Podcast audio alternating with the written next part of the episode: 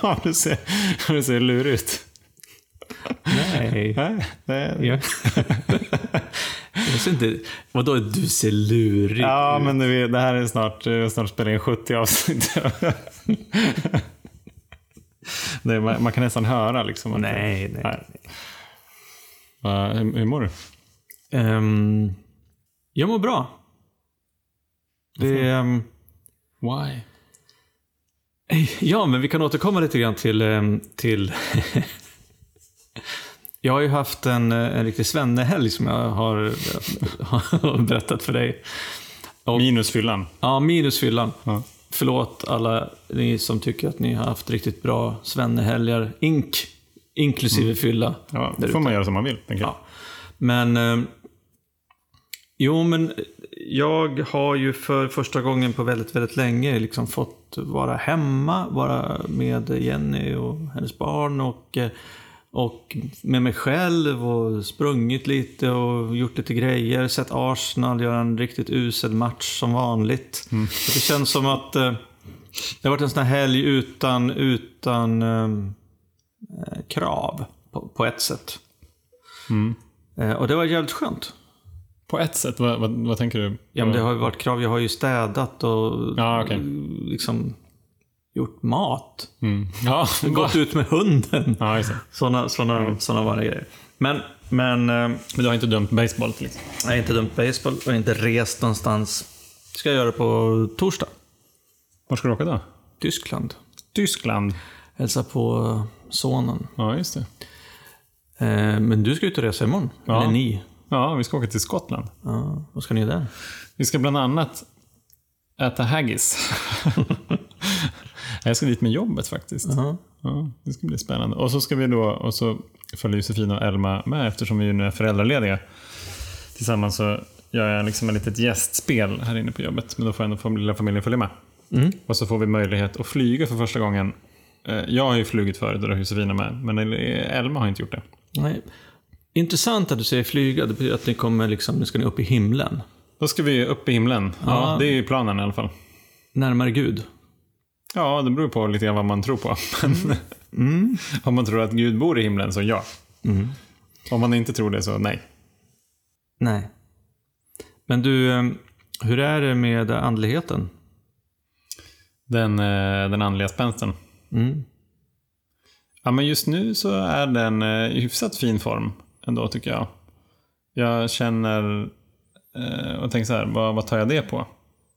Mm. Jag tar det framför allt på att jag känner mig ganska lugn. Mm. Eh, det, det är lite som, jag vet inte om jag läste din bok eller om jag hörde din podd eller om du kanske har sagt det. Men, men det är lite som att det, det känns lite som att köksfläkten har stängts av. Mm. Och så har jag insett oj vilket, vilket brus jag har haft under så lång tid så att jag har liksom inte ens tänkt på att det är där. Men när det är avstängt, bara, oh, Mm. skönt. Och det är då i, ett, ett, en situation, i ett läge där, där man kanske skulle kunna tänka sig att, det, att köksfläkten är det minsta problemet. När man har en nyfödd bebis som, som eh, är vaken lite nu och då och sådär. Och kommunikationssättet är ju skrika. Men jag hör det inte så. Jag tror att jag framförallt känner mig lugn över att vi är tillsammans. Mm. Och att jag... Jag tror också så här, att jag släpper de här andra rollerna Mm. som jag har. Johan. Johan på, på jobbet. Johan som föreläser, Johan som är coach, Johan som är bla bla bla. Alltså... Och jag märker hur skönt jag tycker att det är. Låt oss göra en liten tankeövning. Ja. Jag är lite rädd för det här, men okej. Ja, men ponera att du ändå hade lyckats eh, få fram den här härliga varelsen tillsammans med Josefina eh, och fortfarande varit aktiv. Ja, hur tror det har du jag tänkt ditt- en del. Ja, hur tror du att du hade upplevt situationen då? Jag tror att jag, alltså om man tar bara exemplet att jag blir väckt på natten av någon som skriker. Så hade jag nog blivit ganska kränkt över det. Och jag hade känt mig, eh, känt mig utsatt. Och att det var mig det var synd om som inte fick sova. Jag hade ju inte varit hemma eh, och varit föräldraledig tillsammans med Josefina. Utan jag hade nog sett att jobbet var viktigare. Eh, så vi hade garanterat, det, så här, ja, det hade ju inte blivit några barn, men om, om det ändå hade blivit så hade vi delat upp det. Och eh, jag hade också försökt att leta tillfällen där jag inte behövde vara hemma. Mm. Och då är till exempel jobb en ganska bra grej. Mhm. Eh, för det är inte jag som har valt det, jag måste gå och jobba och då är det ganska också lätt att slinka vidare på någon liten jobb-AV eller något kundevent kanske, eller en kundmiddag eller något sånt där. I know, jag har skapat alla de där grejerna förut. Så det, jag vet att det går. Men, eh, och jag vet också hur lätt jag har för att lura mig själv. Att det inte, är, det inte är jag som det är inte jag som har valt det. Utan det är jag som jag måste följa med på de här grejerna. Liksom den berättelsen har jag berättat för mig själv många gånger. Men jag tror att jag hade tyckt att det var extremt jobbigt just för att jag själv hade känt mig trött och grinig och så hade jag sett alkoholen som ett sätt att, att belöna mig själv för det som jag gick igenom. Men jag tänker på det där, för jag känner igen det där att eh, när jag var aktiv, och ibland kanske fortfarande också, att jag tycker att jag någonstans är viktigare där jag inte är. Ja, absolut. Det känner jag också igen. Till exempel, eh, fast framförallt då liksom, just i kanske Alltså, förut var det ju så, just i, kanske i familjesituationer, att jag var tvungen att jobba över, jag var tvungen att åka in jättetidigt, jag var tvungen att komma hem jättesent. Och jag behövde inte dricka, men jag var liksom, det var viktigt, viktigare att jag någonstans var på jobbet än att vara hemma. Och då funderar jag på så här, var det för att jag verkligen trodde att jag var viktigare? Mer oumbärlig på jobbet? Eller var det för att jag ville ha liksom en fristad? Mm, ja, Jag vet inte, jag, jag, jag har inte funderat på det så mycket för Men jag, jag kommer att tänka på det nu när, du- pratar om det. Och, och, eh, och jag tror, för mig, Mm.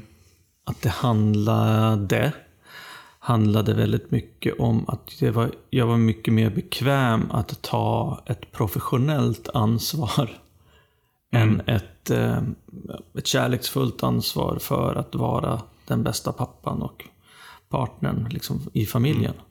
Vilket är jävligt konstigt. Men det var lättare på något sätt. Ja, och men, ja. precis som du säger, det var lätt att skylla på.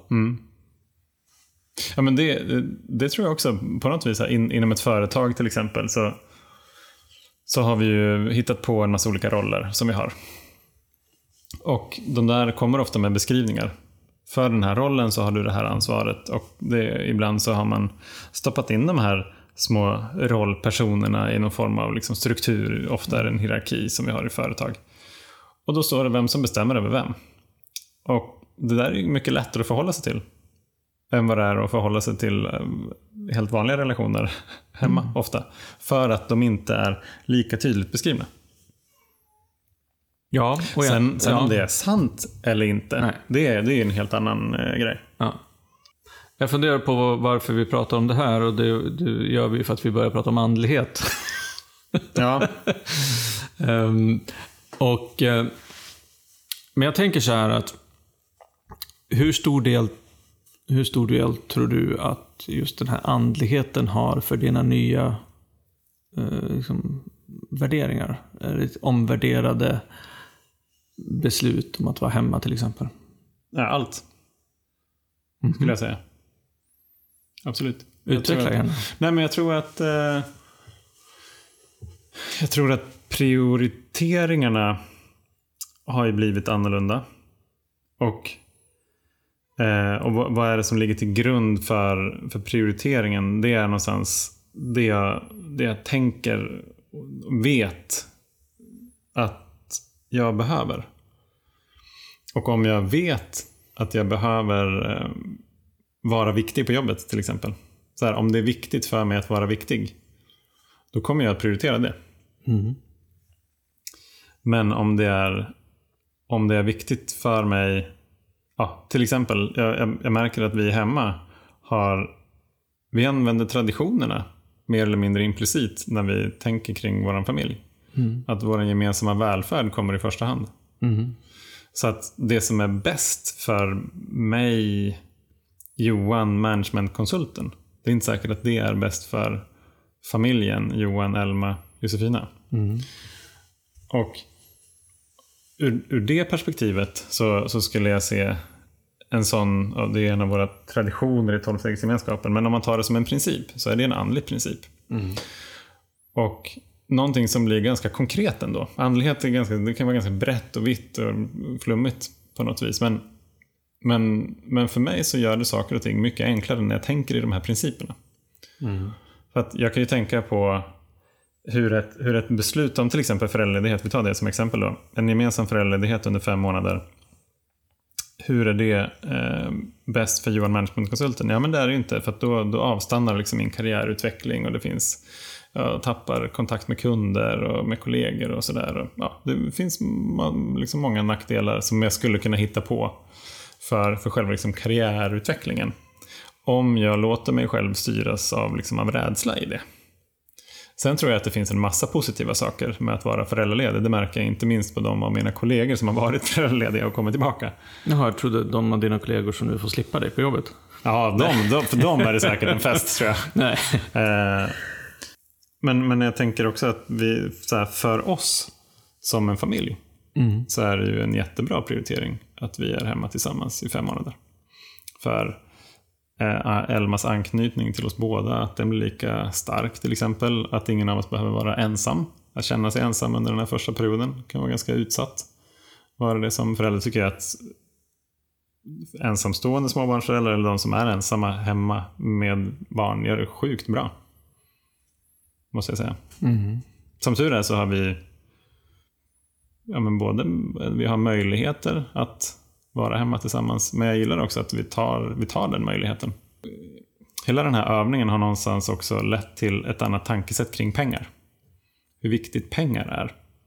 Pengar i en andlig kontext är varken bra eller dåligt. Pengar är ju bara, det, är liksom, det, fin- det finns inget inneboende liksom rätt eller fel eller gott eller ont i pengar. utan det är snarare vilken typ av frihet som, tänker jag, pengar kan ge. Men om jag, som jag var tidigare, så ville jag att mina pengar bara skulle fortsätta växa på hög och då kände jag mig jag tror att jag, jag upplevde att jag kände mig tryggare, men det gjorde jag ju inte. Jag kände mig bara mer kontrollerad för att jag tyckte att det var viktigt att pengarna växte. Eh, men det gav mig aldrig frihet. Det var ju snarare tvärtom. Ja, det är lätt att säga när man har pengar. Ja, men nu har vi inte så mycket pengar. Eh, Vi har, vi har gjort av med alla pengar. Jag just det, när jag köpt så mycket barnvagnar. Ja, jag har köpt så mycket barnvagnar. Ja. Nej, men Nej, det, absolut. det, det Det är är klart att, att ur en, alltså, tittar man på... Men det är ju som du säger, även om, om ni har möjligheten, det är många som har möjligheten att göra samma val. Absolut. Men det är nog ganska få som faktiskt gör det. Till exempel att alltså, stanna hemma båda två. Just, just för att eh, ja, det är ganska läskigt. Hur är din andliga spänst då? Den kunde vara bättre. Men eh, jag eh, har ju någonstans hittat i mig ehm, Jag har hittat i mig eh, alltså ett om en lugn eller ett rum där jag kan, eh, där jag kan liksom släppa taget om saker. Mm. Och, eh, och jag märker att jag eh, idag har mycket, mycket lättare att, att liksom komma till det läget. Vad är det du släpper taget om då, till exempel? Nej, alltså alla möjliga grejer. Jag, jag, jag... Det handlar mer om... Men det är ju ganska bra, det, det handlar mer om att få bort liksom bruset. Mm. Att bara försöka känna, känna mig eh, lugn och eh, alltså grundad på något vis.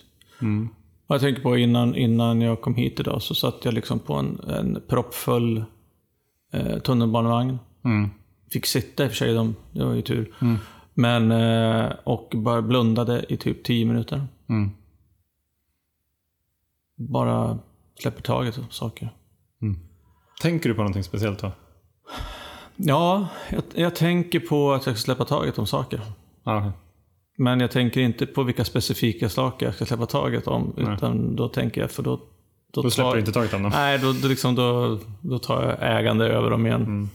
Nej, men så det, det, är- det, och det är jävligt konstigt tycker jag. Så här, att i, eller konstigt kanske inte är, men det, det är skönt, skönt trick ändå just det här i det här andliga. För mig handlar andligheten väldigt, väldigt mycket om att eh, ja, sluta lägga energi på saker som inte jag behöver lägga energi på. Och fokusera liksom på egentligen två, det är liksom växelverkan. Det finns liksom en släpp taget om massa grejer så att de inte stör, så att det slutar brusa.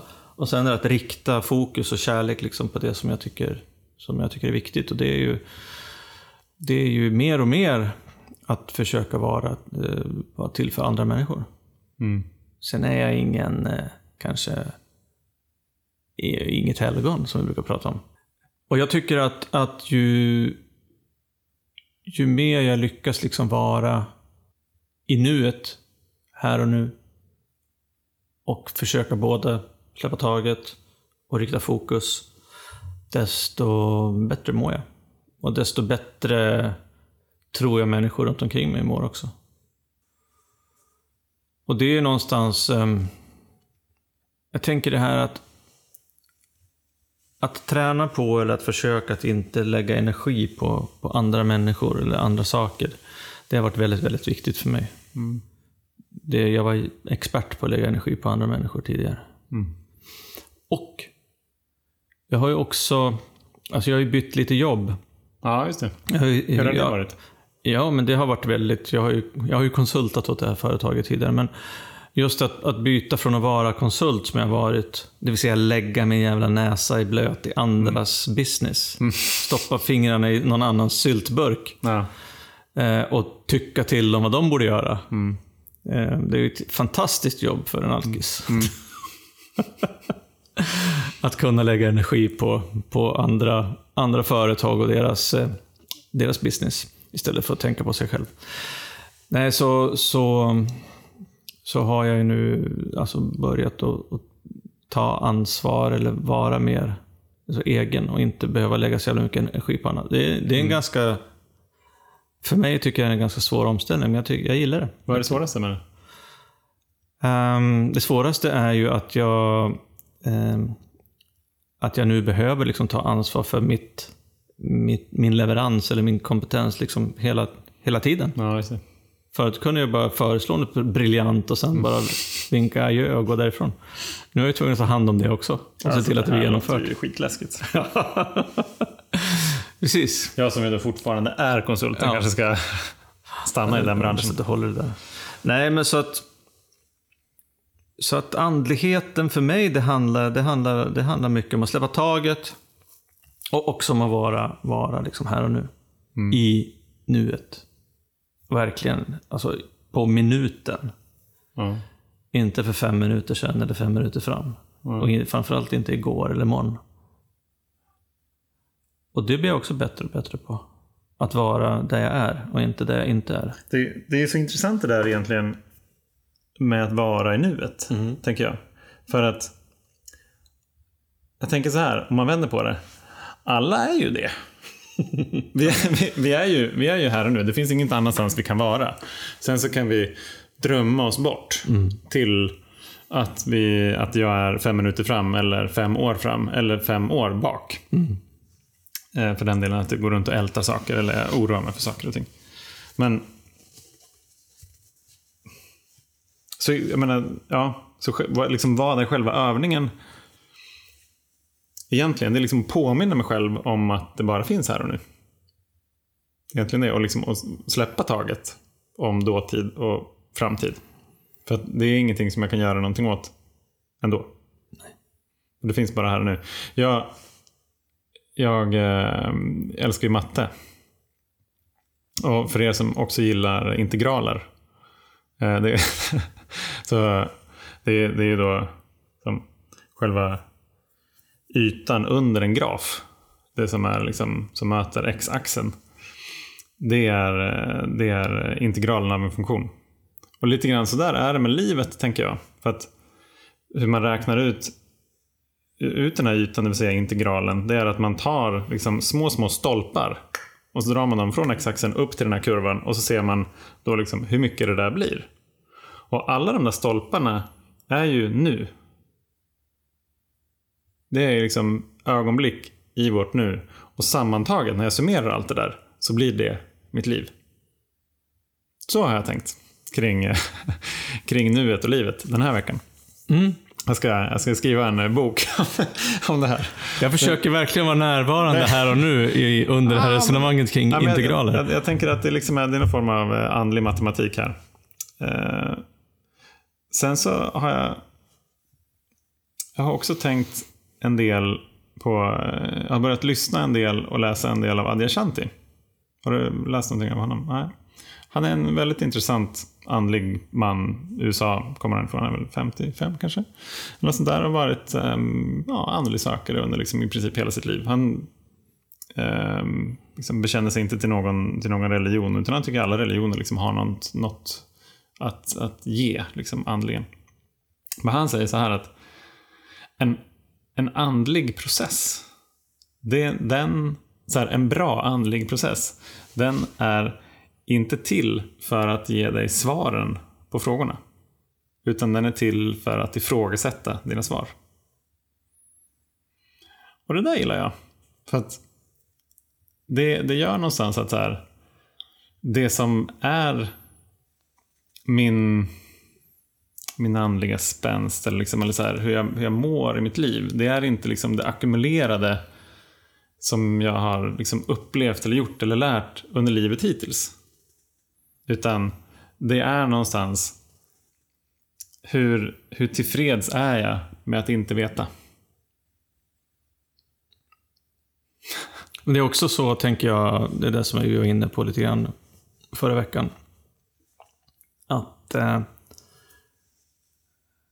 den här texten som handlar om att många av oss försökte hålla kvar, hålla fast vid våra gamla föreställningar. Ja, just det. Det vill säga att tänka att jag sitter på svaren. Precis. De svaren som jag... Ja, de som kommer någonstans ifrån. Istället för att vara nyfiken på att kanske inte få något svar överhuvudtaget. Nej. Behöver man ens svar? Nej, men alltså det, jag, tror, jag börjar tro och tänka och, och tycka att det, det kanske inte är svaren det handlar om. Nej. Det kanske snarare är att fråga, ifrågasätta och att våga fråga. Mm, jag håller med. Men jag skulle vilja ta ett steg till. Oj, 2.0. Mm. Alltså om man tar bort tänkandet och bara känner. Ja. Går det ens? Alltså känner i nuet. Så här, för att vi, nu, nu sitter vi och resonerar vi tänker så jävla mycket. Vi läser, på, läser om hur vi borde tänka och hur det borde funka. Alltså, som integraler hit.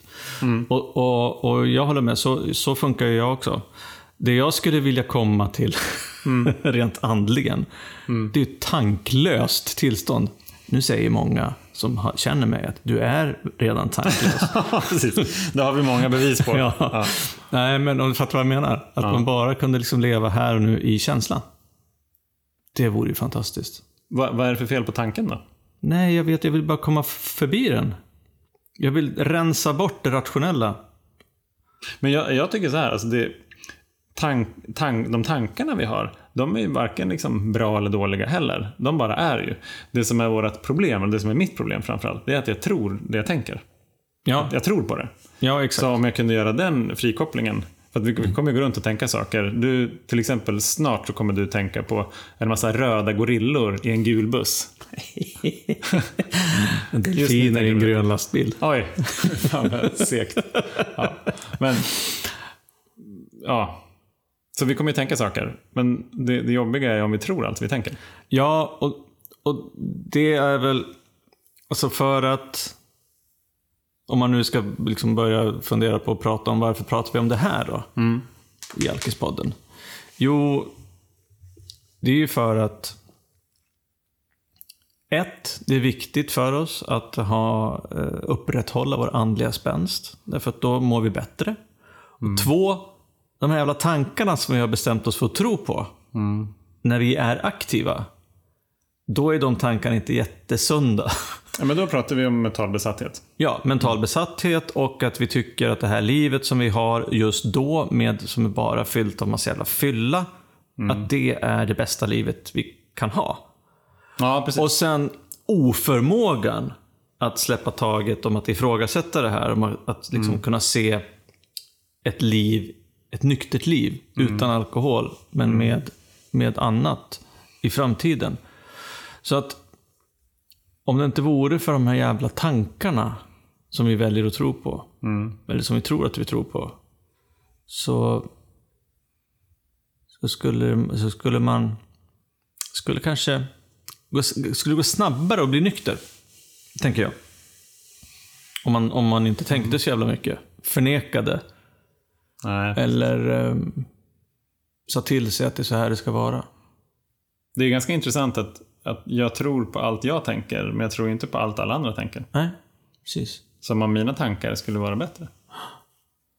Nej, och jag tänker där, om man tar liksom kopplar det till sjukdomsbegreppet som jag pratar mycket om, så här, fysisk allergi, mental Ja. besatthet, andlig brist. Så är det ju så här, andligheten adresserar ju såklart den andliga bristen, men även den mentala besattheten i, i den liksom, aspekten. Mm. Så att liksom två av tre väldigt viktiga delar av det här sjukdomsbegreppet, allt förutom den fysiska allergin, hanterar vi ju. Liksom, vi bearbetar, vi behandlar den med hjälp av andlighet. Så den andliga spänsten är någonstans också ett, en liten temp på, ehm, ja, men så här, om man ska hårdra det jävligt hårt då, hur nära livet är, hur nära döden är. Mm. Faktiskt. Så det handlar inte bara om att kunna vara föräldraledig tillsammans med Josefina i fem månader. Det handlar också om liv och död. Ja, Mm. det gör det faktiskt. Det gör fan det. Det är ganska lätt att glömma bort det tycker jag. Ja, Faktiskt. ja precis. när liksom saker och ting rullar på. Sådär, att- och ehm, ja, det kanske inte känns... Det, det känns... Ja, men så här, saker och ting rullar på. Det är kul. Det känns kul att gå på möten. Det känns kul att jobba i stegen. Det känns liksom så här. Då är det, ehm, då är det lätt att glömma att det faktiskt är en progressiv liksom dödlig sjukdom som vi ändå behandlar. Ja, Så det var liksom en liten incheckning just här och nu kring andlighet. andlig spänst. Släpp taget. Tro inte på allt du tänker. Nej, exakt. Försök leva i känsla. Ja, Du, nu ska du och jag gå på möte snart. ja ska vi. Så att eh, vi lämnar det här eh, ämnet för den här veckan och återkommer till er, kära lyssnare, med detta eller annat godis nästa vecka. Ja, Så ha det så fint där ute hörni. Ta hand om er. Bra. Kram. Hej! Hej.